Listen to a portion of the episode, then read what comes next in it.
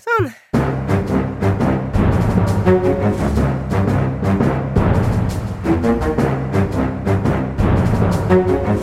Åh, sånn. Ja. Da er vi i gang med denne ukens Aftenpodden. Eh, I studio her sitter vi. God dag, god dag, Trine Eilertsen. God dag, god dag.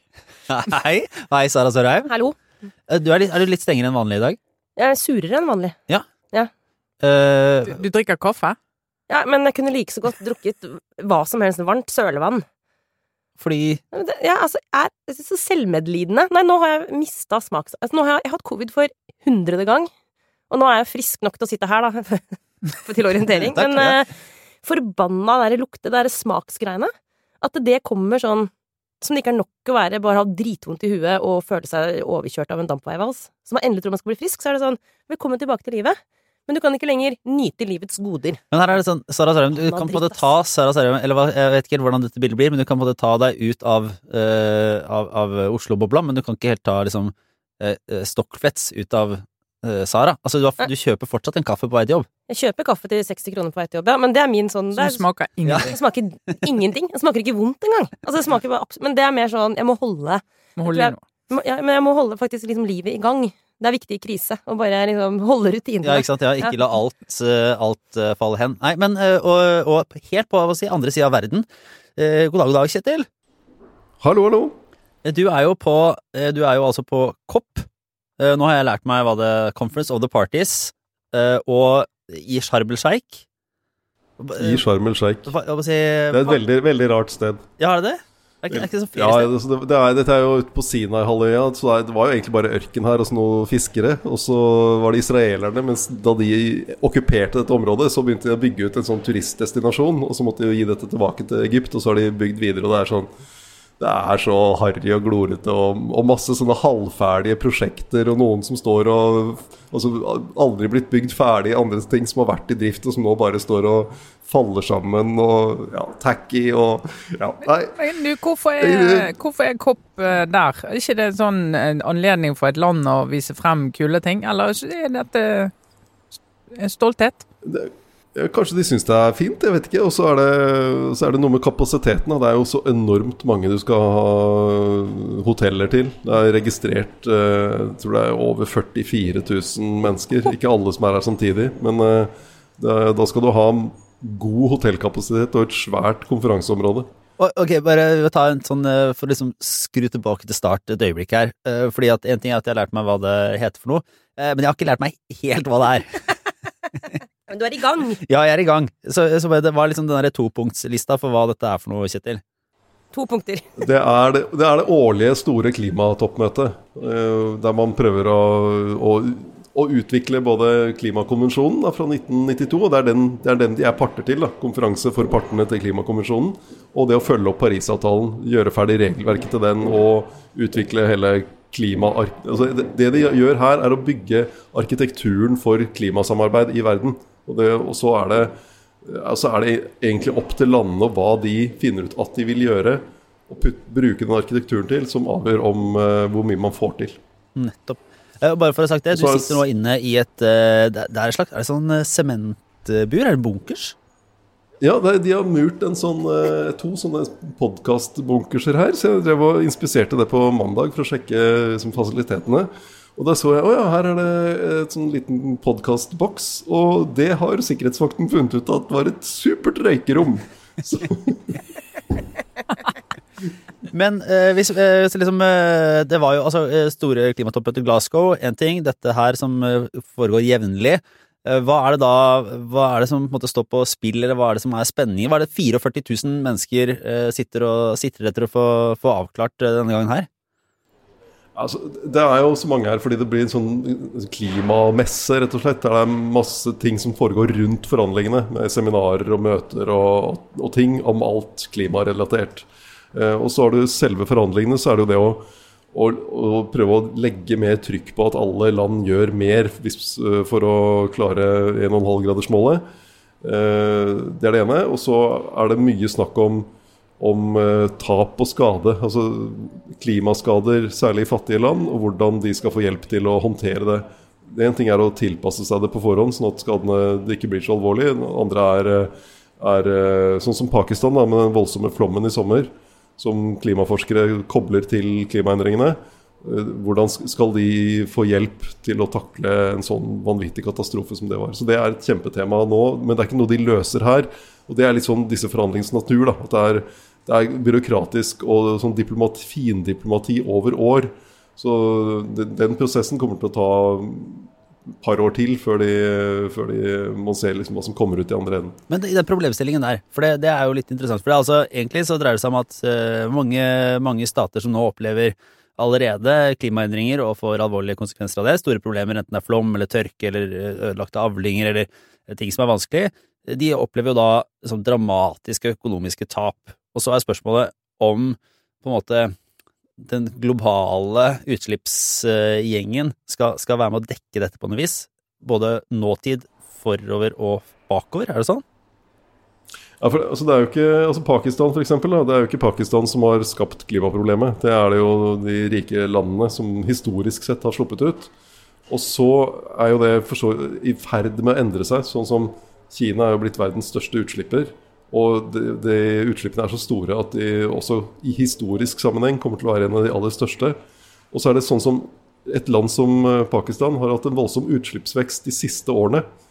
Og det, sånn at Én ting er at de må ha hjelp med tilpasning og, og tap av skade, men de må jo også komme inn på en, en klimavennlig utvikling. Da, investere i fornybar og klimavennlige løsninger. fordi Ellers så, så går jo ikke dette her. Altså Hvis land som, som uh, Vietnam, Pakistan, uh, mange andre satser på en utvikling der de bruker fossil energi for å, for å vokse. Men du Kjetil, nå vet jeg ikke hvor mange Unnskyld. Du Kjetil, jeg vet ikke hvor mange COP-møter du har vært på nå, men hva, hvis du kan liksom si noe om Bør du bare Bør du mot, mer og mer motløs fordi ting går så utrolig sakte, det er maskineriet du beskriver? Jeg tenker sånn Det er jo finmasket, i beste fall, men også helt sånn dysfunksjonelt i verste fall. Den tar så ufattelig lang tid. Eller burde sånn litt mer og mer på en måte om ikke optimistisk, at du ser at det flytter seg liksom millimeter for millimeter i riktig retning, da. Går det an å si altså, Hvor er du i de to båsene der? Eh, det veksler. Ok. Fordi, eh, ikke sant Man sier, snakker om 1,5-gradersmålet, eh, som kom inn egentlig ganske overraskende på slutten i, eh, da man lagde Parisavtalen i eh, 2015. Eh, og, og da lå verden an til å, å ha en temperaturstigning på 3,5 grad frem til slutten av dette århundret, sammenlignet med altså før man begynte å bruke dampmaskiner og kull og sånn på 1800-tallet. Nå er den prognosen 2,5 grad. Så det er liksom én grad ned. Pga. at mange land har skjerpet klimapolitikken, teknologien er gått fremover. Eh, sol og vind er blitt kjempebillig energi. Eh, næringslivet tar ansvar. Sånn at det er jo, men det er fortsatt en altså fortsatt 2,5 grad er fortsatt altfor mye. Men det har jo da skjedd noe på sju år som er positivt. Og så er det sånn Snakket med en klimaforsker her eh, som jeg traff uh, i går. Om er mange av de, de banene da, fremover. Det blir, sånn tek, det blir kjempeteknisk, men det er sånn for å klare 1,5 grad. Så mange av de banene viser at man først går over 1,5 grad, altså at det blir varmere enn 1,5 grads oppvarming. Og så dra, greier man å dra den ned igjen. Og så sa denne forskeren at men vi vet egentlig ikke om vi greier å dra den ned igjen. Mm. Så det, det der kan vi for lite om. Så dette er liksom ikke som varmekablene på badet der du bare skrur på en bryter. Det er et utrolig komplisert system. Så det veksler, vil jeg si. Men, men du Kjetil, jeg bare, i forbindelse med de andre møtene de siste årene, så har det vært veldig mye oppmerksomhet rundt det. Det har vært på den politiske agendaen, det har vært i valgkamper, det har liksom vært, og så ser du i den amerikanske valgkampen nå, mellomvalget, så klima er jo ikke tema omtrent. Her i Norge så er jo klimasaken som sådan har forsvunnet litt, og du ser mange europeiske land. Det handler om inflasjon, økte kostnader, det handler om energi, så er det jo en klimadimensjon i det. Men er vi, er vi nå i en fase hvor klima ikke når opp på prioriteringene av alle de andre krisene, eller er det, er det, er det nå, er vi kommet så langt at det er en integrert del av disse diskusjonene? Hvordan leser du det? Hvis du ser på USA, da, så fikk jo Joe Biden en sånn overraskende seier i august med den der Inflation Reduction Act, som inneholder masse klimapolitikk og kommer til å ha stor betydning. Så det er en kjempepositiv nyhet. Ser på EU, det svaret deres på energikrigen til, som Russland fører mot uh, Vesten, er at de vil uh, altså, I første omgang så kjører de i gang kullkraftverk og sånn igjen, men de vil ha en raskere omstilling til det grønne og driver og driver med å gjøre ferdig eh, denne Fit for 55-pakken sin nå, forhandle ferdig det. Sånn at det, det er eh, det er, det, er sånn, det er blitt så stort at det, kan liksom ikke helt forsvinne. Men eh, da er det, er ikke egentlig en, en politisk konklusjon av dette møtet si sånn, som kommer til å komme fram i løpet av eh, neste dagene, uka? Ja, Det, det blir jo, altså de, skal, de kommer jo med en, noe enighet en eller annen gang i slutten av neste uke. Uh, inn i neste, altså i helga i, i slutten av neste uke. Men det, den blir ikke sånn så enkel å formidle som fra Glasgow. Der det var sånn veldig tydelig at uh, man var enige om å holde liv i håpet om å greie 1,5-gradersmålet. Så det, det er annerledes på den måten. Da. Ja, nei, ja lykke til. Når kommer du hjem igjen, da? Får vi jo heller spørre. Nei, jeg, fly, jeg skal dra hjem i morgen. Og det er forferdelig svintidlig fly som går ti over halv fem om morgenen. Så det, For et, altså et sånn ag aggete Ja, men her vil jeg si at eh, hvis man først skal fly, så trenger man ikke å straffe seg selv mellom, liksom, med å velge den verste avgangen. Altså, det, der er, det, er, det, det bikker over i latterlig. Å, ja, men jeg sier er- ikke at det er det du har gjort, Kjetil, men, men jeg kan føle på sånn Det er flyskammen som bare ja, Flyskammen, så jeg tenker sånn, ok, Hvis jeg tar flyet klokka fem om morgenen, så blir det i hvert fall så jævlig at jeg liksom lider meg gjennom det. Men eh, ja. Jeg vil heller, heller booka businessklasse. Eller er det med Eller er det Det går ikke. Det er verre, det. Hilsen økonomiansvarlig økonomiansvarlig Ikke på privat, nei, ikke på jobben. Nei, det var gullalderen, det. Den er forbi. men, eh, Ja. Nei, vi får se. Men eh, du har jo gått glipp av eh, litt Altså, jeg vet ikke, da- gått glipp av en, en eh, nyhet eh, her hjemme i Norge mens du har vært borte. Eh, Selv om det Altså, han kan lese aviser i Egypt. Ja, men det er jo liksom et eller annet med å være til stede i landet når det skjer en sånn politisk omveltning, eller varsel om en politisk omveltning, da, for der er det jo egentlig ingenting som har skjedd ennå. Men, men, eh, men eh, det, er jo, det er jo Audun Lysbakken har vært SV-leder så lenge at han på en måte blitt en del av en del av landskapet, en del av møblementet. Så når han nå sier at han kommer til å gi seg som, eh, som leder i SV ved, ved landsmøtet til, eh, til våren, så er det jo en eh, Det er et, det er et litt et skifte som altså, Ja, ikke bare si at han har vært ja. Altså, han har vært leder i elleve år, er det vel? Så Mm. det er jo i seg selv Det er lenge. Det må, lov, det må man kunne slå fast. Men han har jo også vært en veldig god leder for SV. Sånn at det blir jo et skifte også fordi det er vanskelig å se for seg at det eh, Den, den arvtakeren vil sta, Det er hoppe etter Wirkola, rett og slett. Og så er det jo annerledes når det er en partileder som går av fordi han eller hun har mistet måte oppslutning eller støtten i partiet, eh, og du får en sånn en ny giv. Men dette er omvendt. Nå er det sånn at partiet sannsynligvis risikerer å bli svekket fordi de mister en leder som jo ja, han, han er jo rett og slett en veldig flink partileder. Så derfor er det litt interessant hva som skjer nå. Og så skjer det jo også midt i en situasjon hvor SV står oppe i en slags identitetskrise, eh, i hvert fall egentlig. viktig veivalg. Ja. Mm. Men eh, alle, det er, nå er jo, det er litt sånn når man gir seg som partileder partileder det er nekrologtid. Ja, så er det jo veldig mye positive på måte, tilbakemeldinger, men, men eh, så sier, veldig mange sier at han har, har vært og er en god partileder. Eh, Hvorfor det, Trine? Eh, nei, altså jeg husker jo når han eh, Før han var partileder, han er jo fra samme kulturkrins som meg, eh, bort vestpå. Eh, og da han ble jo regnet som en veldig radikal politiker, uh, på venstresiden, til venstre for SV egentlig, uh, sånn på kjernen. Sånn at når det begynte å bli uh, Også etter hvert som han, han kom i regjering og statsråd sånn, så var det litt sånn diskusjon om han at han hadde flyttet seg, for det gjør det jo når du kommer i regjering, det er jo noe med det. Men da han skulle bli leder, så var det jo, ble han løftet frem som mye mer radikal, for eksempel, enn Bård Vegar Solhjell, som var motstanderen hans den gangen. Eh, Bård Vegar Solhjell og alle i SV er jo veldig glad for at det ikke ble han. det har jo han sagt flere ganger. Mm. Eh, Men så har jo Audun Lysbakken gått inn i den rollen, og så kan du si det er mange som vokser inn i rollen, og, og det kan bety mange ting. Det kan bety at du blir egentlig helt utydelig og bare driver med kompromisser hele tiden.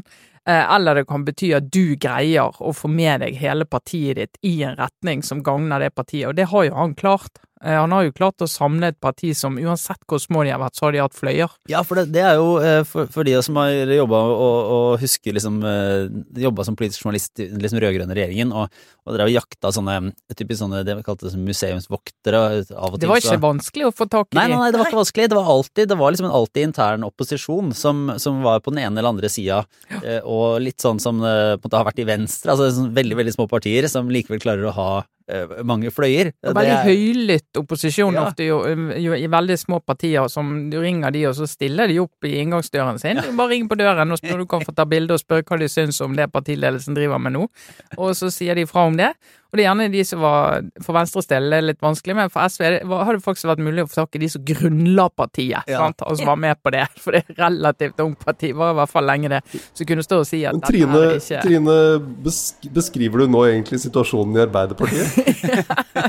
Et bitte lite parti med kjempestore fløykamper. Ja.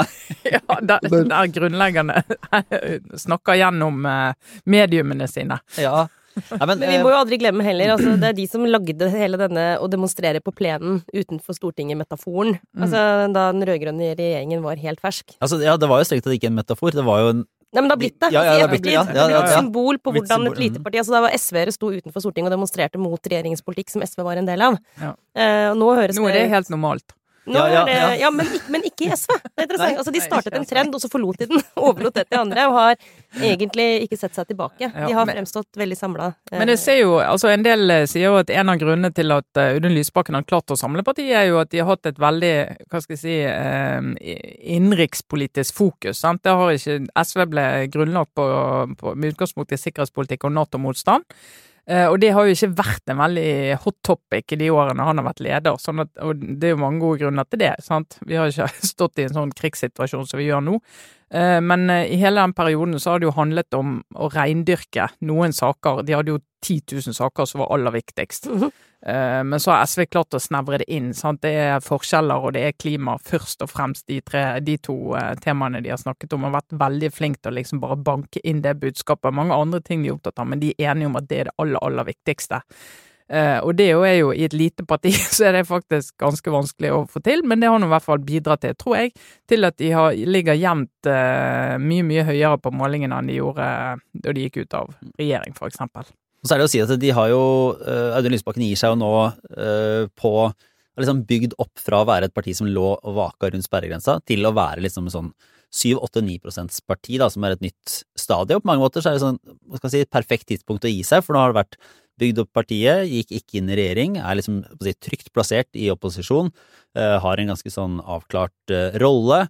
Eh, bordet ligger liksom åpent, men det er ikke så enkelt likevel, Kjetil. Det er en del eh, ting som ligger foran og venter. Ja, altså det, tenker, Du har jo den konkrete saken med Nato-forslaget til p- prinsipprogrammet. Der eh, det er et eh, sånn prinsipprogramkomiteen Der sitter det ti personer. Da var det fem som ville liksom, ta ut hele der, eh, formuleringen om å gå ut av Nato.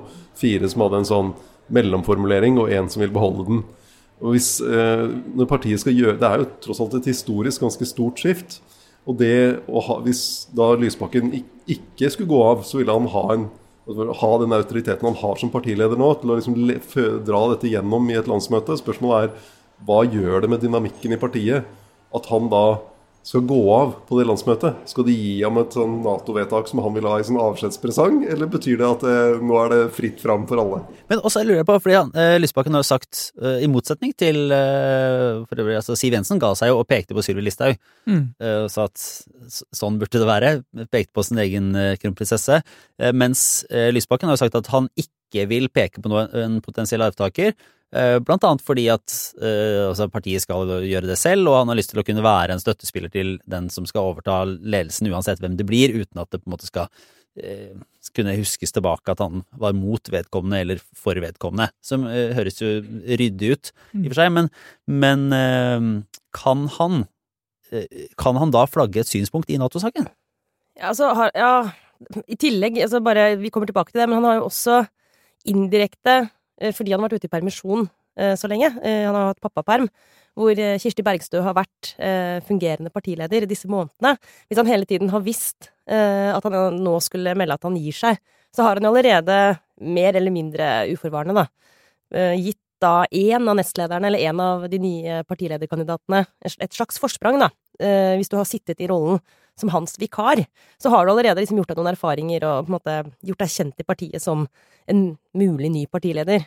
Så, så det er nå én ting, men det, det er litt sånn det, Kanskje det var litt sånn ut av hans hender å styre. Altså, barn kommer til verden Ja, når ja, de føler for det. Men, men det er et Hun var jo nestleder, liksom. Hun var nestleder, men likevel, det, det spiller litt inn. Og så selvfølgelig eh, den, altså det standpunktet i den saken. Altså, han ville jo eh, vært den ledende og førende stemmen i partiet på denne ekstremt sentrale diskusjonen for dem, hvis han hadde vært partileder liksom nå og, og, så sittet trygt i den rollen. Nå vil han ikke, uansett hvor sterkt han går inn i, i diskusjonen, så vil det være andre stemmer som får mye mer, som blir tillagt mye større vekt. Og ikke sant, den diskusjonen vil, altså Vi vil være mye mer nysgjerrige nå på hva Kari Elisabeth Kaski eller Torgeir Knag Fylkesnes eller Kirsti Bergstø sier om dette. Egentlig vil vi være mer opptatt av det enn hva Lysbakken måtte si. Så det, hele den dynamikken der blir jo veldig veldig annerledes nå som han sitter på, på oppsigelse, nærmest. da. Ja, men det er jo litt interessant, for at de tre som nevnes nå som de heteste kandidatene, da, nettopp eh, Fylkesnes og Bergstø og Kaski, har jo Jeg vet ikke, men i hvert fall Jeg, vil- jeg har oppfatta det som at Kirsti Bergstø og eh, Kari Elisabeth Kaski for eksempel har et ulikt synspunkt i Nato-spørsmålet. Mm. Ingen- de har ikke vært eh, Kaski har ikke vært tydelig på hva hun mener, men det har liksom det tyder på at hun er i mer Nato-positiv retning. Eh, Bergstø har jo tidligere sagt at, og stått på at hun er imot Nato. Eh, så har det jo skjedd ting i, i, i programkomiteen. Ja, Kjetil? Eh, Ja, jeg er litt usikker på det, rett og slett. fordi nettopp i den vikarperioden hennes så holdt hun en tale til landsstyret i mai, mener jeg det var, om nettopp håndteringen av Nato-saken. Og de resonnementene hun dro, dro da, var talt, pekte i retning en sånn realitetsorientering. Altså SV vil egentlig ha et nordisk forsvarssamarbeid. Når hele Norden går inn i Nato, så er det der det samarbeidet kan skje. Det var sånn jeg hørte den talen fra henne, at hun egentlig la opp til en sånn type eh, resonnement for SV, som ikke betyr SV elsker Nato, på en måte, men at SV aksepterer at det, det er det som er realiteten. Det er der også resten av Norden er. Så da forholder vi oss til det. Ja. Så, det, så jeg, jeg er litt usikker på hvor stor forskjellen er. De har ikke, hun har jo ikke uttalt seg eksplisitt. Fylkesnes har jo det siden han leder den prinsipprogramkomiteen. Mm, Og han vil jo, vil jo stryke formuleringen. sett utenfra så ser det ut som om, der, altså selv om eh, Lysbakken ikke har vært sånn veldig begynt å dra organisasjonen inn i, i Nato-medlemskapet, så er jo inntrykket forhold, med synet på våpenhjelp til Ukraina, så var jo vanskelig for SV i starten, men som, og de er jo mange i SV som syns at det er ikke riktig. Det er mange pasifister der, det er mange som mener at dette er ikke måten å løse eh, konflikter på. Eh, og den diskusjonen ser du, hvis du leser Klassekampen, så ser du jo jevnlig eh, den debatten går, og du ser det i sosiale medier, og det er sentrale gamle SV-ere, og, og en del unge òg, som, som står der. Men etterlatt inntrykk når du ser de utenfra, er jo at både Bergstø og Lysbakken og alle er jo ganske trygge på at de har med seg partiet i å si at nå må vi forholde oss til realitetene. Altså, vi kan ikke, vi kan ikke stå i den i, i, en, i et sted hvor vi ønsker en løsning som ikke er realistisk eller mulig å få til. Så det fremstår jo som om de har beveget seg veldig mye det siste halvåret som parti, selv om du selvsagt har stemmer imot det. Så det er jo spennende om noen greier å fyre opp den motstanden, men jeg tror jo for SV vil det være en fordel å stå med utgangspunkt i realitetene. Og det er ikke sikkert at den diskusjonen blir som du er inne på, Trine. Det er ikke sikkert det blir så opprivende. Altså, fordi eh, SV ble grunnlagt på Nato-motstand, så er det en så viktig sak for dem. Men det kan hende at Lysbakken vet, forhåpentligvis mye bedre enn oss, hva som foregår i partiet, og at han, at han er ganske rolig på at den eh, litt mer pragmatiske tilnærmingen faktisk har såpass brei oppslutning at, at det kommer på en måte landsstyret til å samle seg om nå i god tid før eh, landsmøtet, sånn at han eh, muligens bare forutser at dette blir ikke en opprivende, sånn eh, vanskelig diskusjon på landsmøtet, så derfor kan han trygt Altså, det kan godt hende at det er en betydelig del av hans vurdering når han går ut med dette nå, da. Eh, uten at vi veit det. Men jeg vil, vil nesten trodd det, for at hvis ikke så er det på grensen til uansvarlig å trekke seg nå. Altså, da burde han nesten ha venta Altså, ja. Det, det er noe med den vurderingen der, men det får vi sikkert vite etter hvert. Det kan hende at det er mer avklart egentlig mellom de som er potensielle lederkandidater, enn det det har vært, fordi jo, verden har endra seg. Men noe som bare blir litt spennende, og som jeg vet at flere i SV tenker på, er at SV har jo jobba veldig godt med å rekruttere nye medlemmer de siste åra. Så de har hatt en sånn altså, ekstrem De har hatt en veldig stor tilvekst av medlemmer. eh, men det betyr også at det er en, en sånn stor masse av medlemmer som nå skal få noe å si, som ikke nødvendigvis er knytta til de tidligere synspunktene, Mm. synspunktene, og som på en måte kan eh, antageligvis forholder seg mye mer fritt til liksom, de utenrikspolitiske vurderingene enn det kanskje kjernen har gjort. Da. Mm. Eh, og da, selv om, selv om store deler av partiet nok har beveget seg, så tror jeg det kan være interessant å se om det blir en konflikt mellom på en måte, de gamle kreftene, originalistene, og litt sånn de kanskje ideologisk løsere nye medlemmene, da, og hvor det tyngdepunktet er. For det er jo ikke Jeg tror selv om muligens ledelsen har flytta seg mye, så tror jeg det sitter ganske mange i SV som, som vil være eh, kraftig imot. Og så er blant annet internasjonalt utvalg i SV som var mot å, å sende våpen til Ukraina i utgangspunktet. Eh, så, så det er jo på en måte ikke en det er jo ganske sånn sterke krefter inn i et parti som også kommer til å ville stå på det, det forrige synspunktet, vil jeg tro.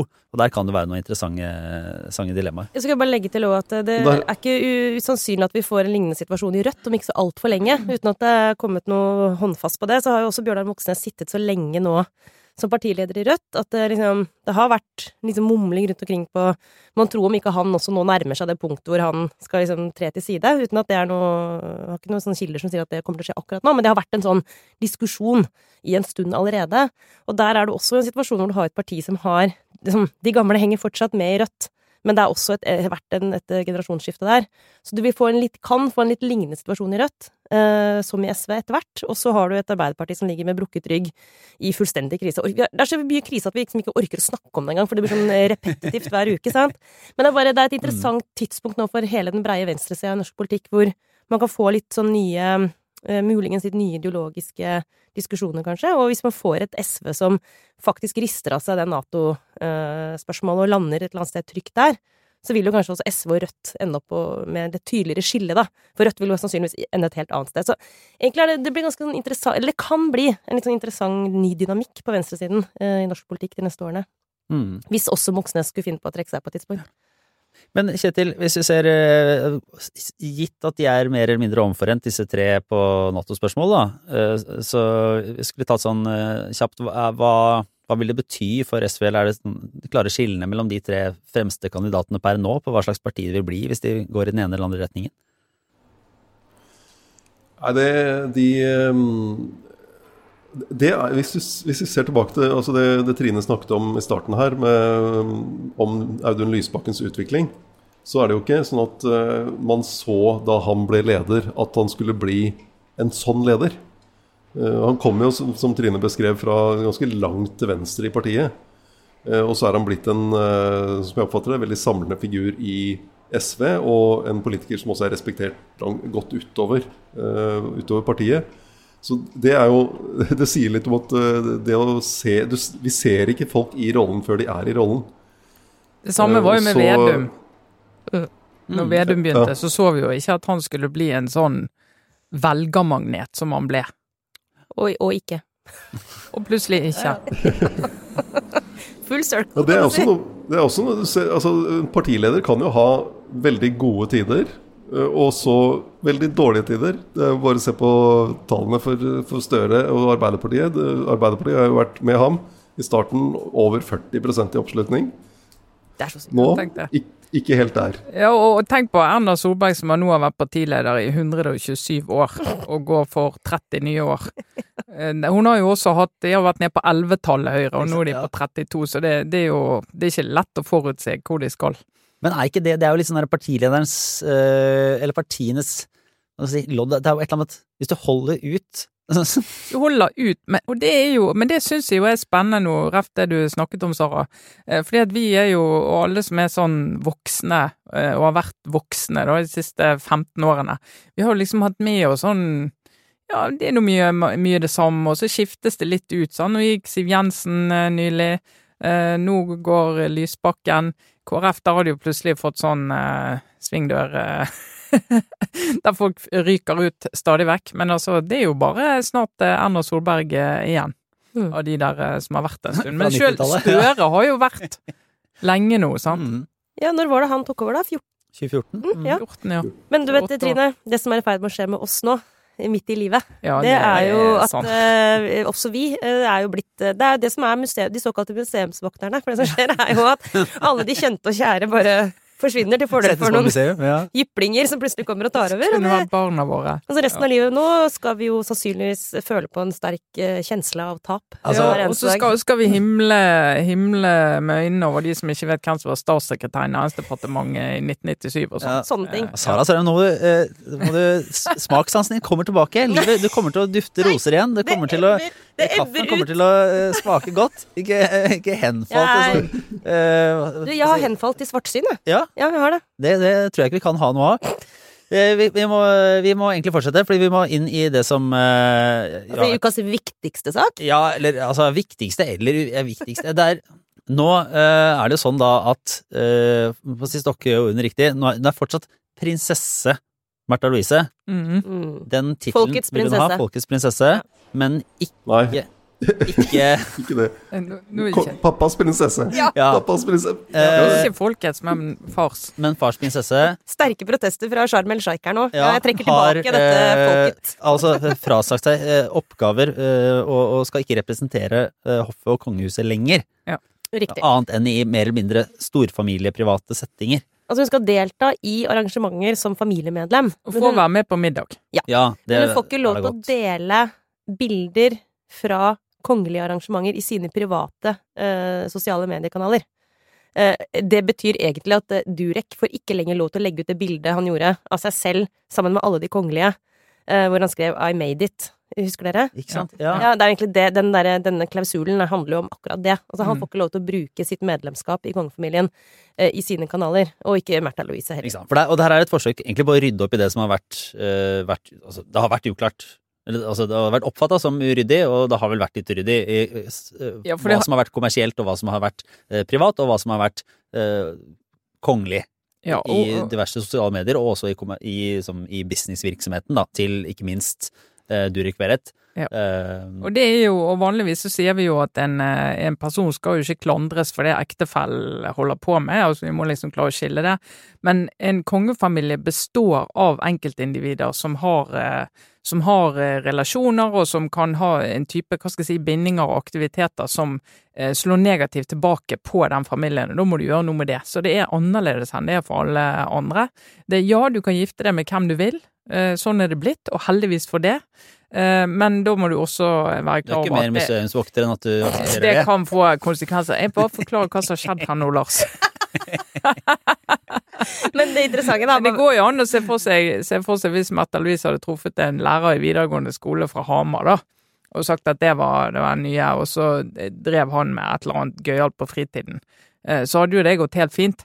Eh, Men det er jo det der at han driver med kommersiell virksomhet, han her eh, Durek Verrett, så, eh, innenfor et område som åpenbart utfordrer etablert, og med god grunn etablert syn på eh, helse og forskning. Mm. Men ingen, altså, vi går, det går vi jo tilbake til, for det er jo det som gjør dette så komplisert. Men bare sånn, det er jo apropos å se i bakspeilet, det er jo verdt å bare nevne at ektefellen til prinsesse Ragnhild, altså Erling Lorentzen, han drev jo næringsvirksomhet blant annet i regnskogen.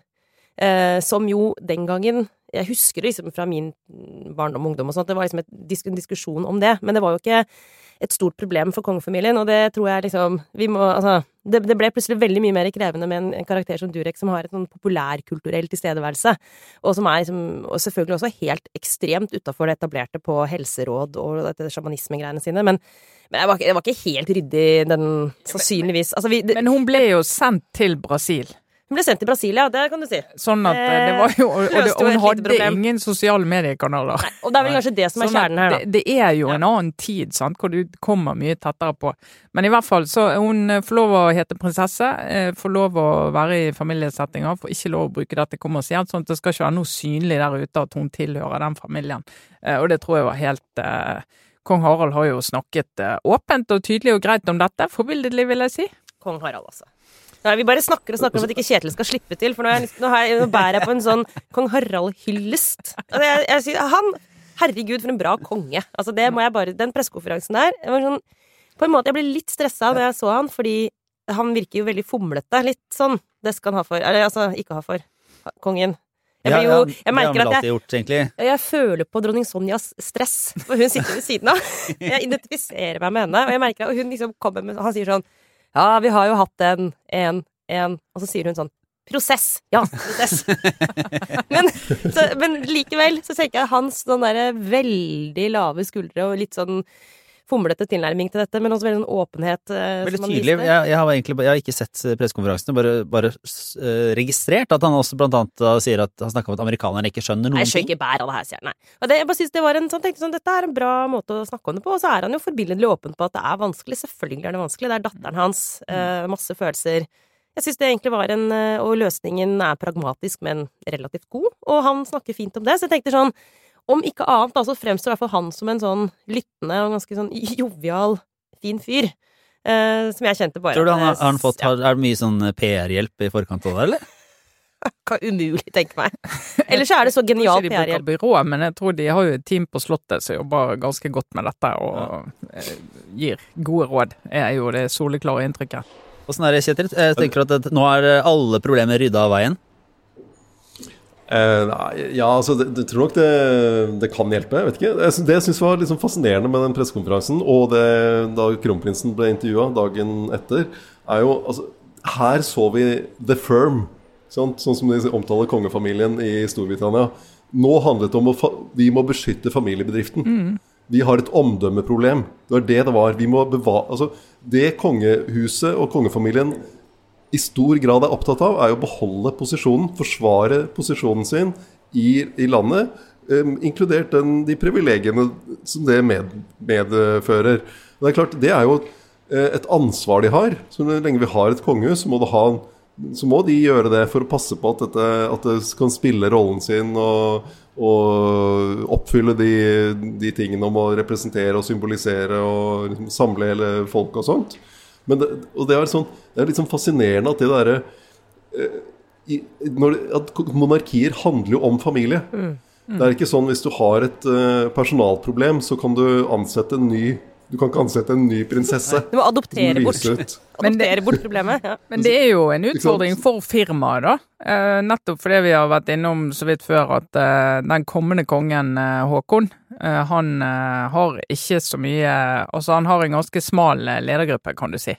Så han må ta mye sjøl. Det er ikke så mange å delegere til. sant? Det er en liten familie. Det er, de burde jo egentlig hatt fem unger alle sammen og hatt mye å spille på. Eh, Men nå har han jo mistet da den ene direktøren i selskapet, som han skal bli konsernsjef for. Eh, og det er jo eh, Märtha som kunne ha, ha avlastet ham mye, da, mye mer, men det kan hun ikke gjøre. Og Mette-Marit har jo en helse som gjør at ikke hun kan være i 100% jobb. Eh, sånn at det er jo et problem for firmaet, dette her.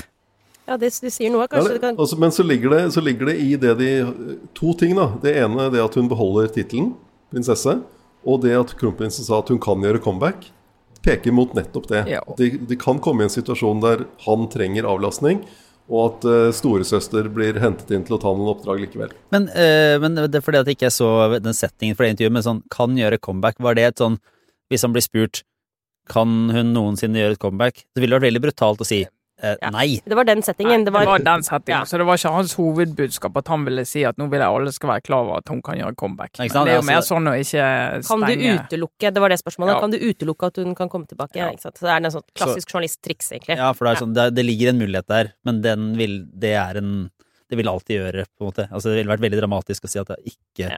kan være plass. Hun kan jo skille seg, Ja. hun òg, som alle andre. Ja, det, det peker jo liksom noen Og så sa- eh, fingre her, men de kan jo endre sitt, uh, sitt kommersielle virke, antar jeg. Ja, Sider? Ja, Så sa jo både kongeparet og kronprinsen at uh, det var jo uenigheter. De var fortsatt ting de var uenige om, Ja. men det gikk bra. Og det, det, ingen spurte om hva uenighetene var. Men det, så det lurer jeg litt på, da, om det er eh, det at Durek Verret ikke får lov til å tagge den prinsessekontoen på Instagram, f.eks. eksempel altså- eller om det er eh, hvor den uenigheten lå. Det er fascinerende hvor uh, det, måtte, hvor liksom, det er så store prinsipielle spørsmål. da At Det er jo liksom sånn ok, kongehuset og hva som er rollen og alt mulig, og så blir det utrolig konkret og smått, som er sånn Instagram-policy. Som er sånn nei, Hvem kan du tagge, hva kan du skrive, Ja, det, hva er det som er greit? Hva, altså, hva, hva, er det dette som er en kongelig skandale eller eh, problemstilling i 2022? Det er eh, Men dette er jo en ekstremversjon av faktisk en helt reell problemstilling for veldig mange, også mediehus, som handler om eh, hvordan man skal forholde seg til at alle har fått sin egen publiseringsplattform. Mm. Og hvordan skal du håndtere rollen i offentligheten når alle individer potensielt kan være sin egen publisist og ha sin egen kanal? Hvis du representerer noen andre enn deg selv, kanskje et mediehus eller et kongehus eller et politisk parti Altså, det der er faktisk det er faktisk sånn utfordrende fordi, apropos museumsvokter, det kommer en ny generasjon nå som ikke har den samme forståelsen for at du ikke nødvendigvis kan være deg sjøl 110% i offentligheten hele tiden. Nei, det har i hvert fall en pris for den institusjonen du er en del av, da. Det har en pris for de, og den må du i hvert fall være klar over Ja. før du kjører på. Åh, men det her er en så utrolig myk overgang til min uh, obligatoriske refleksjon denne uka, at vi bare uh, Bare sklir sklir inn i den. Fordi jeg har jo nå Jeg er litt bakpå, men, men det passer uh, temamessig. Fordi jeg har altså The Crown, som åpenbart er liksom, moderskipet av kongefamilier og, og drama, kommer jo med en ny sesong nå Var det i går? ut. Ikke sant? Men jeg er jo da jeg har jo gått, uh, gått tilbake og bare hengt litt etter, så jeg har nå sett, sesong uh, to og uh, tre de siste ukene. Som et sånn bakgrunnsavslappende kveldsaktivitet, egentlig. Og jeg, det, bare, det har jo slått meg, og jeg har synes det er rart at den Jeg ser at den debatten kommer nå, men det er rart at den ikke har kommet enda mer før. Det er ikke rart. Er det det? det er ikke Fordi det er her hele virkelighetslitteraturspørsmålet, det er jo så klamt eh, og, og, og tett på eh, liv av Altså levd liv og, og, og liv som lever. Ja, men ja, du syns det er ubehagelig du også, eller? Ja. nei, for jeg syns også det. Men jeg bare eh, Det der har med tiden å gjøre. Altså, det er jo et, et generelt eh, si, sånn etisk dilemma når du lager drama basert på virkelige hendelser. Altså virkelighetslitteratur eller Ja, virkelighetsdrama. Eh, men intensiteten i det problemet øker i takt med hvor nærme din egen samtid du kommer, eh, og hvor mange av de menneskene som blir skildret, som faktisk fortsatt lever. Og så, Nå har akkurat dronning Elisabeth gått ut av tiden, da, men klart hun har jo vært eh, til stede i store deler av denne seriens måte, eh, eksistens. Men for meg er det stort, stort skille eh, mellom de første sesongene av The Crown og det jeg så i går, første episode av den siste sesongen, som dekker eh, den siste delen av Dianas eh, liv, med Nå må, du, nå, må du ikke spoile, nå må du ikke spoile for Lars her, Sara. Ikke spoil eh, Nei, jeg skal være veldig forsiktig med å spoile, men eh, det, det, Du har jo Det kan jo spoila hende det går bra med Ja. Diana Ja. Lars. de, de tar seg ikke så store kunstneriske friheter. Men altså, eh, de to sønnene, de to prinsene, Harry og William, de er jo nå også til stede i den sesongen.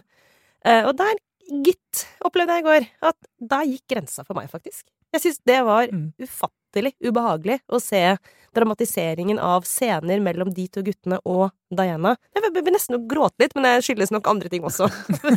Hormonelt ubalanse.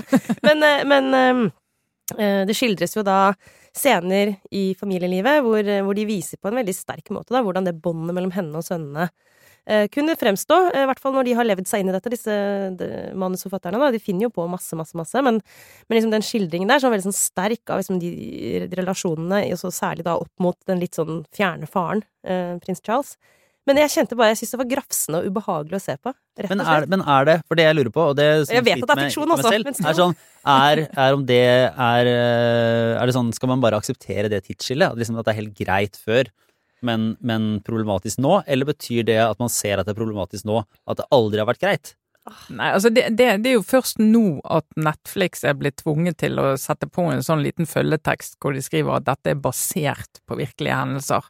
Det er en dramatisering av eh, politiske hendelser og ting som har skjedd med denne familien, og ikke minst dronningen da, i perioden.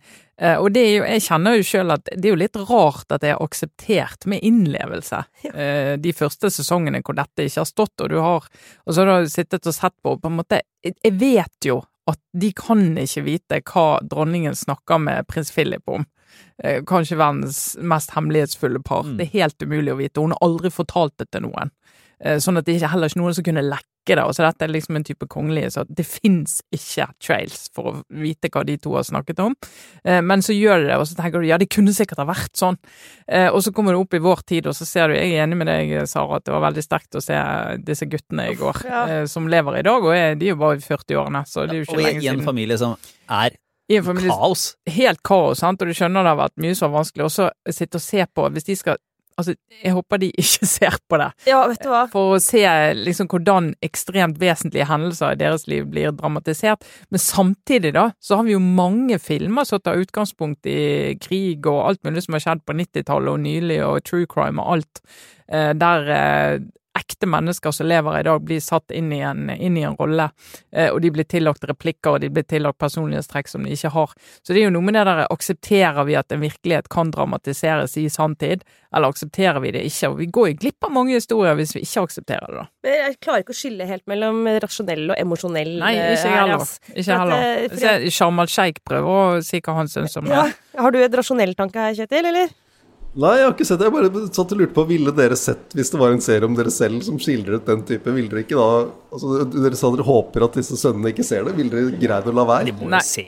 Nei, jeg hadde Altså, jeg, hvis noen nå hadde begynt å lage en dokumentar der jeg plutselig Nei, ikke dokumentar, for all del, dokumentar noe annet, men en dramaserie der noen skulle liksom spille meg. Ja, jeg tror jeg hadde det sett det. Men jeg tror jeg hadde blitt helt Jeg hadde sikkert blitt så Ja. forbanna av å se det, at det hadde klikket for meg. sant? Men så er, det som er greia, er at Og det er det her det blir bare Jeg tror kanskje det er et Altså, fordi ja, tri, eh, Spoiler alert! Diana dør. Hva? Og det, det er jo en så eh, Det er jo en sorg. Altså, det her, jeg knekker helt sammen av å tenke på det bildet av de to guttene Bak som går etter. Åh.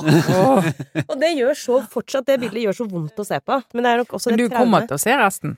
Ja, men vet du hva? Det er, jeg, nei, jeg er ikke helt sikker, faktisk. Eh, rett og slett. Men jeg får se litt Det jeg må, være litt sånn mentalt oppe og stå, i hvert fall, for å orke å liksom Det er så trist. Ja. Nei, jeg må se resten.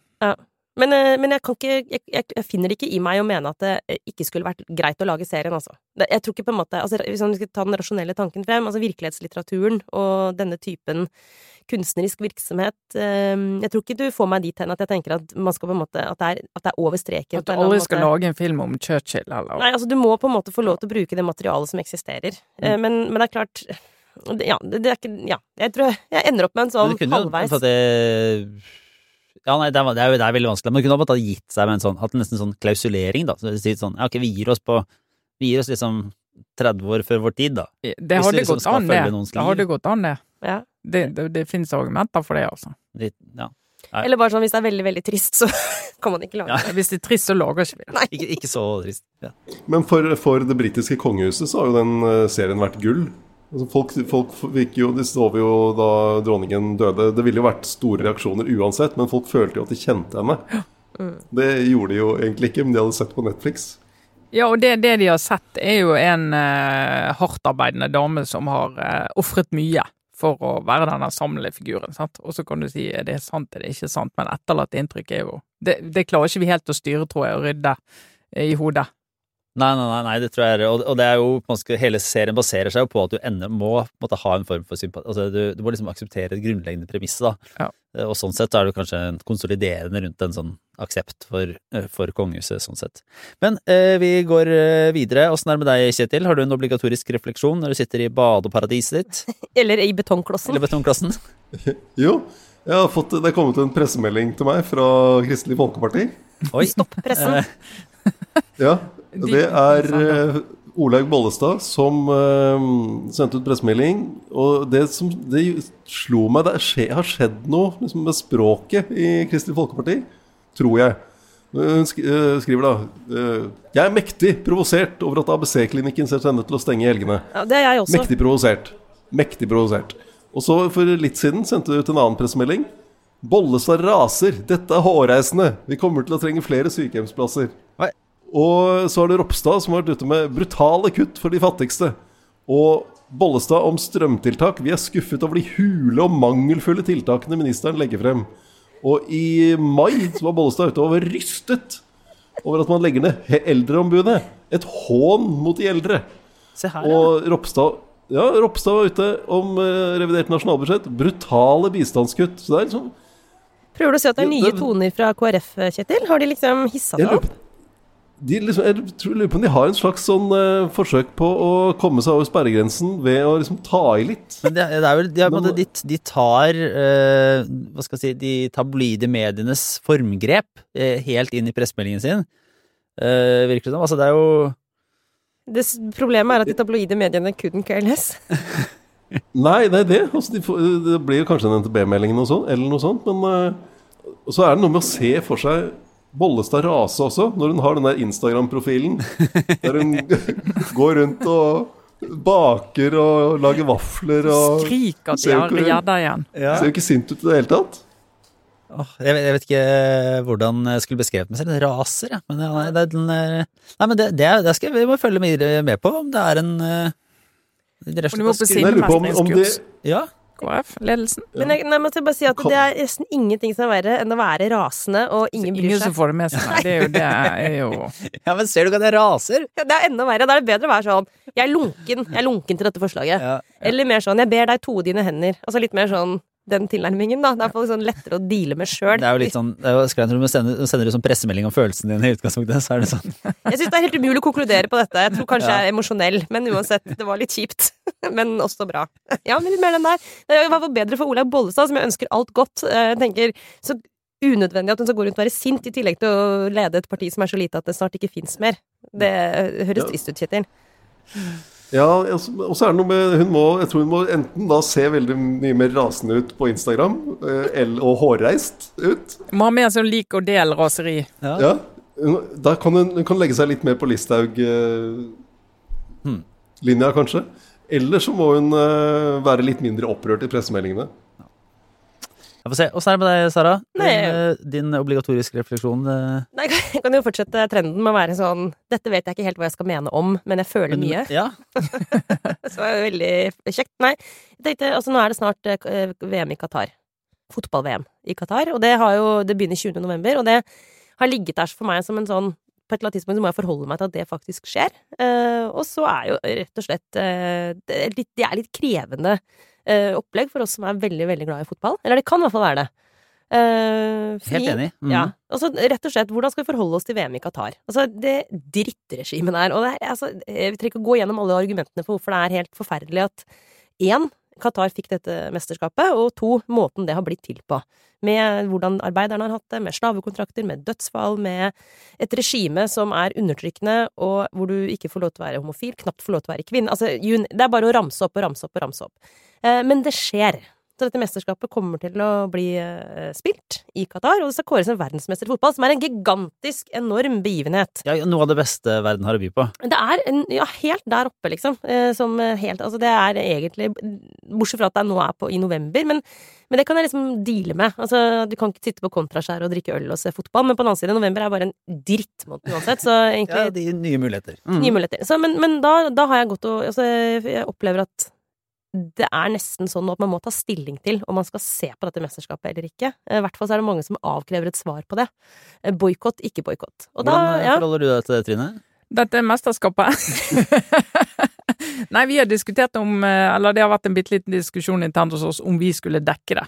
Og det mener jeg er helt åpenbart at vi skal. Jeg mener, for, for en del er ikke det åpenbart, men jeg tenker at vi må dekke sånne ting. Det er ikke noen løsning for en medieorganisasjon å ikke være til stede der sånne ting skjer, og trekke seg tilbake. Vi må jo heller være der og Ja, hvorfor- fortelle om altså- både det rundt og om selve arrangementet. Akkurat som vi var i Kina under OL, eh, og akkurat som vi har vært i en del andre eh, i Russland under OL. Eh, For det er jo ingen forskjell på det. Eh, På disse, når disse landene får den type arrangementer. Eh, Det, du, Qatar har eh, sine åpenbare svakheter, men det har de andre ikke-demokratiske landene som har fått den type arrangementer. Men er ikke det en liksom form for sånn whataboutism? At det er så mange andre land som er forferdelige, så derfor skal vi ikke Jo, det går jo an å si at vi Men, men jeg, jeg, tror, jeg tror for mange av oss da så er vi litt sånn bakpå når det gjelder det der å dekke de prosessene frem mot at disse landene blir valgt. Eh, og drive med både disse debattene eh, og mobilisere forbundene og lagene og hva det måtte være. Eh, og jobbe mer sånn systematisk med det, sånn at de ikke blir valgt. For når de først er valgt, så er det en sånn Hvis én medieorganisasjon bare boikotter det, så blir det litt sånn, og det er det jo noen som gjør. ABC Nyheter, for eksempel, dekker ikke VM. Ja, de gjør ikke det. Eh, vi mener vi må dekke det, men det er jo også med utgangspunkt i at når du da, og der er vi blitt bedre, syns jeg, når du går inn eh, og skal dekke med sånne land, så må du gjøre det med et annet utgangspunkt enn du gjør på en del andre mesterskap, hvor du tenker at dette er kun sport. Mm. Eh, Så vi skal kun dekke det sportslige, og vi skal kun dekke det eh, konkurransen, og vi skal ikke blande politikk i det, for det er så mye politikk i det. Og det mener jeg vi, Det er jo ingen som hadde visst om hvor ille det står til i Qatar hvis ikke vi hadde hatt Nei. den journalistikken, og hvis ikke folk hadde reist til Qatar for å fortelle om det òg. Men så er det jo den private biten. For at der må jeg også si meg helt enig i at jeg har nå satt meg ned også faktisk og lest gjennom disse derfor kommentarene. Altså, norske redaktører er jo aldri så pompøse og nydelige som når vi skriver sånne 'derfor gjør vi sånn og sånn'. Det vil jeg gjerne forsvare etterpå, hvis jeg får Ja. lov. Ja, ja, pompøse derfor-artikler. Du vil forsvare det? Ja, by all means. Men eh, eh, Og egentlig er jo det jeg er i ferd med å gjøre også, fordi disse artiklene om hvorfor f.eks. NRK dekker eh, Qatar-VM og er der, det, de var ganske gode og opplysende. Og punkt én, jeg er helt enig i at det er aldri et godt alternativ å skru av lyset. Så hvis man kan liksom kaste journalistisk flomlys på ting, så må vi gjøre det. Eh, Og dessuten så er det eh, helt åpenbart en nyhetshendelse at dette mesterskapet finner sted. Så det er liksom greit. Jeg, jeg har også landet på at eh, hvis jeg skulle bestemme meg også som redaktør, så ville jeg tenkt at vi må dekke det, men vi må dekke også den samfunnsmessige biten og politiske Mm. biten. Men så er det jo over til sånn privat, privatpersonen. Altså, skal man se på, kan man gå på bar og kjøpe seg en øl og se på dette med god samvittighet? Og der har jeg landet på at det kan Jeg har landet på et ja. Eh, og grunnen til det er at jeg har prinsipielt ikke tro på aksjoner som har null effekt. Nei, men, er- men her Så om jeg ser på Men- men- fotball eller ikke, her, det, har, Men, det faller Sara, ja. det har ikke noe med at du har mistet smakssansen. Men Lars, er du, eh, boikotter du? For det er jo det som er interessant, om dere to er uenige nå. Om hvordan Nei. dere håndterer dette VM. Nei, altså, jeg, jeg, jeg er ikke sikker på om konklusjonen, eller hva skal jeg si, praksis ender opp med ulikt, men det er sånn, jeg er i perm, eh, det er november, hva skal jeg gjøre? Ok, Det her er feigt. Liksom. Kom ut av skapet. Men jeg mener jo at det, det er jo eh, jeg, jeg er ikke villig til å liksom ta et sånn moralsk argumentasjon for at det jeg gjør, er på det Du er mer sånn at du, du booker fem-flyet. Du skal gjøre det så jævlig som mulig for Ja, deg sjøl. ja. på Men du skal se Men på, men men jeg mener ikke drikke øl, liksom. det, altså, At man ikke vil ha aksjoner som ikke har noen på en måte, effekt, men det har jo åpenbart effekt hvis, hvis TV-selskapene på en måte ser at vi, de, vi har brukt milliarder eller millioner eller hva, altså enormt mye penger da rundt omkring uh, på å kjøpe inn rettighetene til dette mesterskapet, men de rettighetene er ikke like mye verdt fordi vi på en måte øh, Kan man sette fordi- opp en sånn VPN-løsning, Ja, ja, ja. så ingen registrerer at du ser Men som på? er, som er sånn fordi at det er faktisk ikke Når vi gjør det på denne dårlige måten, så protesterer folk. Da, da, er, ikke, da er ikke verdien av dette mesterskapet like stor. Og da er det sånn det eneste vi egentlig har å, øh, å bidra med, er jo nettopp å si ifra ved at øh, TV-selskapet sier at nei, oi, fotball-VM i Qatar, det gikk faktisk Altså hvis det var bare to tredjedeler så mange som, som så på, det, det vi betaler mindre neste mesterskap Mm. hvis det går til et land som er så dritt. Så jeg mener at det liksom, logikken bak å boikotte det er fullstendig god. Ja, ja, jeg er bare det, ikke sikker er på om jeg jeg klarer å, Men det- jeg om jeg klarer å etterleve det. Ja, og så tror jeg det er litt eh, Det må komme Og det er jo veldig vanskelig å gjøre sammen, men det må komme før.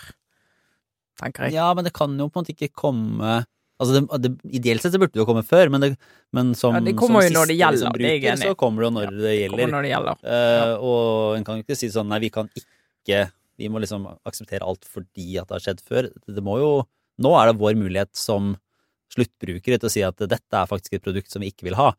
Uh, Ja, bruk, kommer du til å bruke den muligheten?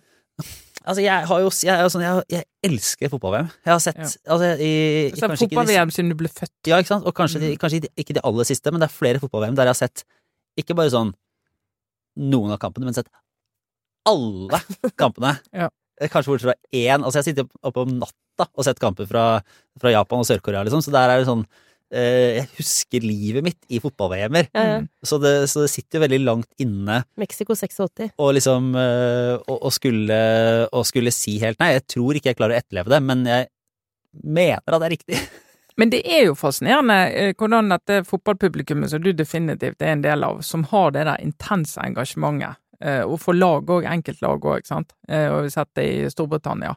Eh, Hvordan liksom den der enorme kjærligheten, og dere er jo så mange som har den intense kjærligheten til sporten, eh, men også hvor umulig det har vært for eh, dere å påvirke utviklingen innenfor denne sporten og den retningen det har gått, og hvor langt det har gått, uten at det egentlig har vært kraft nok i å kunne gjøre noe med det, da.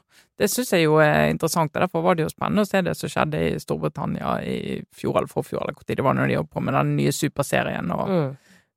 reaksjonene da. Mm. Og uansett, da, bare for å runde av på en sånn high note, så, eller litt positivt, så, så er jo nå reaksjonene på VM i Qatar så sterke at jeg tror helt genuint ikke at Fifa kan gjøre dette en gang til. Helt uavhengig av også oppslutningen rundt VM. Den kommer til å bli dårligere, og kritikken har vært så sterk at det er sannsynligvis måte, Vi er et sted hvor det har gitt effekt. Eh, det, jeg kan ikke forstå noe annet. Altså, hvis, hvis Fifa går videre fra dette som om ingenting har skjedd, Eh, Det, er- det, det, det kan jeg bare ikke se for Saudi-Arabia vil ha VM i 2030, vil de Ja, jo, de vil jo det. Men altså, så det, det, jeg tenker sånn, det er tross alt eh, Det er jo et eller annet som er i bevegelse her. Mm. Kjetil?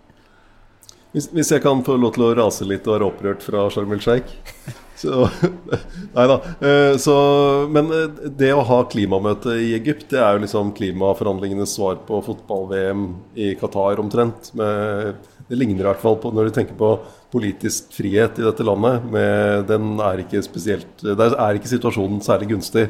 Eh, Det var mange politiske fanger. Det er ikke lov til å demonstrere i forbindelse med klimamøtet her. Vanligvis er det jo en svær folkelig mobilisering rundt klimatoppmøtene. Det, det blir det ikke her. Så det, og så er jo dette det er jo en helt annen ting. Det er jo ikke et sånt kommersielt idrettsarrangement. Dette er en FN-prosess, og da havner du rundt i ulike rare regimer i verden. Men det er jo i hvert fall eh, en knagg, en mulighet, da, som politikere kan som, som eh, du ser menneskerettighetsgrupper i Vesten og andre eh, i Vesten bruker for å få presse Joe Biden når han kommer hit i morgen, til å, å si Når du møter eh, eh, Egypts president Sisi, så må du ta opp eh, menneskerettigheter og disse politiske fangene. Så det blir jo en anledning for å, for å ta opp også det. Men der i politikken, eh, så kan man jo nettopp bruke liksom hva skal jeg si, Der står jo politikerne og de som reiser og deltar i de prosessene, det står jo måte ansvarlige for oss som velgere. Mens eh, hele debatten om sånn fotballspillere kan du egentlig ikke avkreve noe som helst av. Og de der Fifa-toppene er jo helt eh, borti natta på sånne faktiske samfunnsmessige spørsmål. Så det er, liksom, det er jo et eller annet med at ansvarligheten stopper liksom, Det er ikke noen måte å egentlig si fra annet enn ved å være veldig prinsipiell, da, som, som det er eh, Litt vrient- krevende å være. vrient å være. Ja, ja. Ja. Eh, Vi runder av eh, med din obligatoriske Min siste obligatoriske, eller vår siste i dag, ja. ja. Nei, da skal jeg hente opp en e-post som vi har fått fra en veldig ivrig lytter. Vi er så glad for lytterne våre. De gir oss eh, veldig mye ros, takk for det, men av og til så får vi godt begrunnet kritikk òg. Takk for det òg. Eh, og denne lytteren han sendte en melding etter forrige sending der han mente at jeg malte med for bred pensel. Da kan jeg ikke forstå. ja, kan du forstå det? Men eh, Aldri skjedd. det har aldri skjedd. det skjer stadig vekk. Eh, Men eh, han eh, mener at jeg, eh, jeg maler med, for bred pensel når jeg snakker om eh, at eh, regjeringen ikke krever eh, at også offentlig sektor skal eh, effektiviseres og kutte kostnader i denne perioden, men at det er bare privat sektor og næringslivet som skal gjøre det. Eh, og, han, eh, og når jeg da bruker eksempler og sier at vi ser jo i Oslo kommune at det er mye sløsing, så, så mener han at det kan bidra til et bilde av at det er mye sløsing i offentlig sektor, og at det er veldig store forskjeller mellom de ulike områdene i offentlig sektor. Og det har han selvfølgelig helt rett i. Eh, og min mening var jo ikke å, å gre alle med en kam, over en kam, under. ved. Mm. Det var å illustrere hvorfor jeg tror dette ikke treffer så godt politisk og der ute. Eh, Men det han, har, eh, eh, helt rett i, og det alle ser, det er at f.eks. sykehusene nå rammes av økte strømutgifter og mange kostnader som gjør at de er nødt til å kutte i helsetilbud, eh, sannsynligvis eh, for å kompensere for det. Eh, og, at, og du kan komme i en situasjon der du må stenge ABC-klinikken for de aller, aller friskeste fødende, la meg legge til det, eh, Sara, eh, i helgene. Eh, og så kan det, blir det selvfølgelig mye styr om det.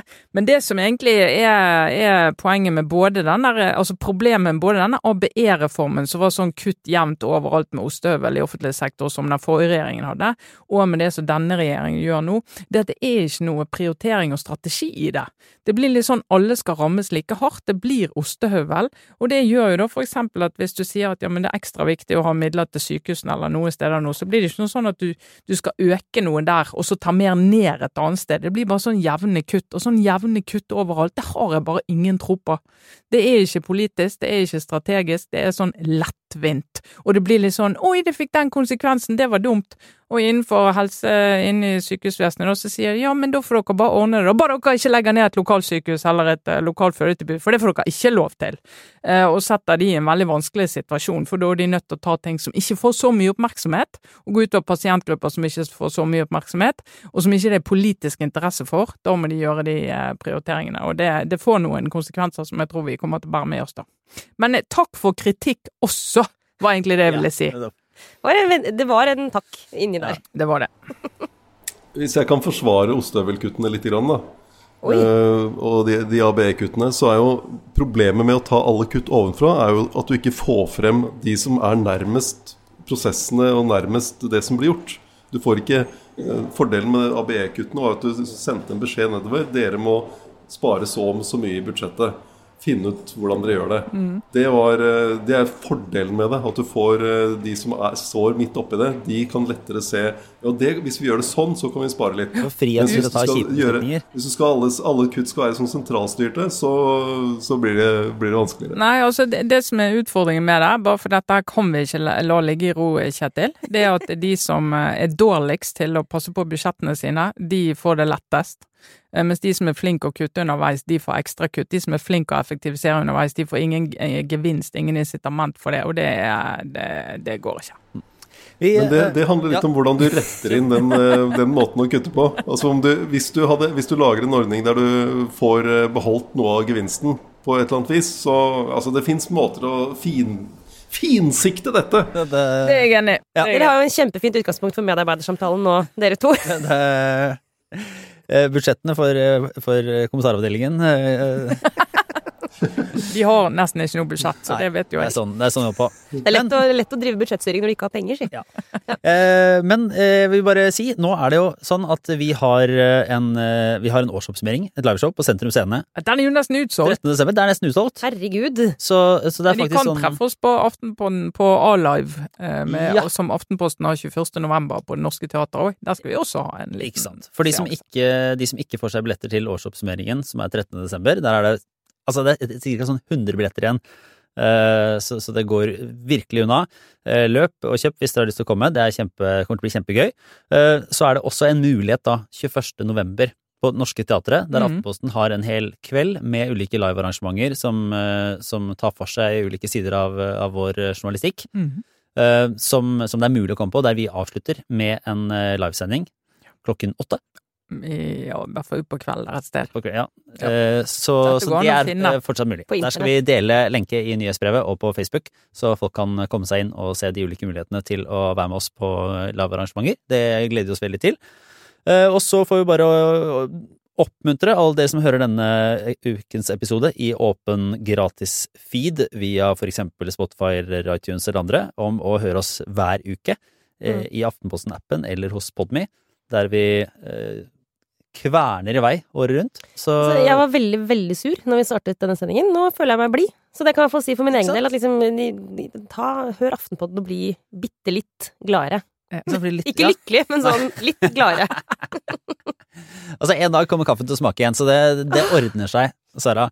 Dette var en ukens Aftenpodden. Tusen takk for oss. Ha det bra. Du vet den spagaten som vi kvinner 40-ish står i. Noen sider av aldring aksepterer og verdsetter vi. Erfaring er bra. Men den erfaringen skal helst være pakket inn i en kropp og et utseende som ikke ser ut som den har vært ute så veldig mange vinternetter. En vrien spagat, det der. Men eh, nå har du oss. Vi skal snakke om alt som er vilt, vondt og vakkert midt i livet. Hormoner, midjefett, rynker, samliv, dating, tørr vagina, dødsangst. I det hele tatt. Podkasten 40 hører du hver fredag fremover. Endelig skjer det noe som eh, jeg blir invitert til igjen på fredager. Du er fin, da.